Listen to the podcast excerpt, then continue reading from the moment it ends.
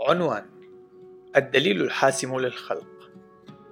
عنوان فرعي حسم الجدل القائم حول الأصول. كتاب للدكتور جيسون لايل. الفصل الثاني. عنوان فرعي حسم الجدل الاتساق. لقد قمنا حتى هذه اللحظة بإظهار عجز الأدلة بشكل منفرد عن حسم الجدل. وذلك على اعتبار أننا سوف نقوم بتفسير معاينتنا للكون بطريقة تتوافق فيها مع رؤيتنا للعالم. وكذلك أظهرنا أنه من غير الممكن أن يتم حسم الجدل من خلال ادعاء الحيادية فالموقف المحايد ليس له وجود. فكيف لنا إذن أن نتجادل حول موضوع الأصول الذي هو جدال يدور حول رؤى إلى العالم ونحسم الجدال بطريقة عقلانية. إن السبيل هو من خلال إدراك أنه يوجد نتائج للرؤية إلى العالم. فأيا يكن المعيار الأعلى الذي يختاره الشخص سوف يكون له تبعات تقود إلى معتقدات أخرى والتي ستقود بدورها إلى معتقدات أخرى وهلم جرى. لكن يوجد بعض المعتقدات التي لا تنسجم بعضها مع بعض. وهذا يزودنا بمعيار يمكن من خلاله أن نميز بين الرؤية الجيدة إلى العالم والسيئة منها. فالرؤية الجيدة للعالم لا بد وأن تكون متسقة ومتناغمة منطقيا، فإن كانت الرؤية للعالم تحمل تناقضات داخلية، حينئذ لا يمكن أن تكون صحيحة.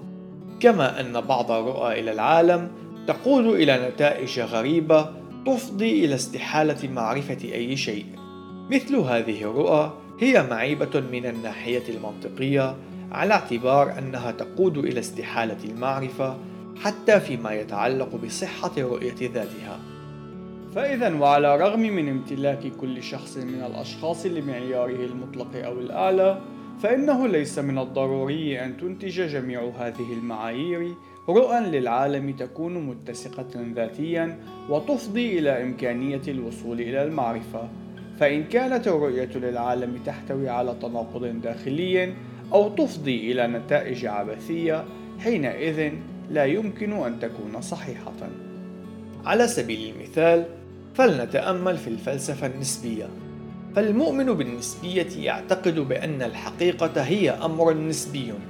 أي أنها تختلف من شخص إلى آخر والنسبية تتضمن أفكارا أخرى مثل غياب وجود أي أمر مطلق إلا أن الموقف القائل بعدم وجود أي شيء مطلق هو موقف مطلق بحد ذاته فالنسبية تفترض بأنه على الإطلاق لا يوجد أي شيء مطلق وهذه الفلسفة هي ذاتية النقد. فإن كانت النسبية هي صحيحة بشكل مطلق فإنها ستقود إلى نتيجة بأنه لا يمكن أن تكون صحيحة بشكل مطلق أي أنها إن كانت صحيحة فهي ستكون خاطئة وبالتالي فهي خاطئة. فلنتأمل في مثال آخر ولنأخذ الفلسفة التجريبية أو الإمبريقية وهي الفكرة القائلة بأنه يتم تحصيل جميع أنواع المعرفة من خلال التجربة والمعاينة. بالطبع نحن نؤمن بأن بعض أنواع المعرفة يتم تحصيلها من خلال التجربة والمعاينة وهذا أمر يتفق مع الوحي المقدس فرب الإله قد صنع حواسنا لتكون موثوقة لنحقق في الكون ونسبر أغواره ولا يوجد أي مشكلة فيما يتعلق بالمناهج التجريبية. لكن الفلسفة التجريبية تذهب أبعد من هذا بكثير.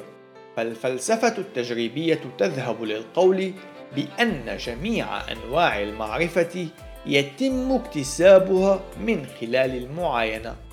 أو بكلمات أخرى إن التجربة هي المعيار الأعلى الذي من خلاله يمكن الحكم على الادعاءات بالحقيقة.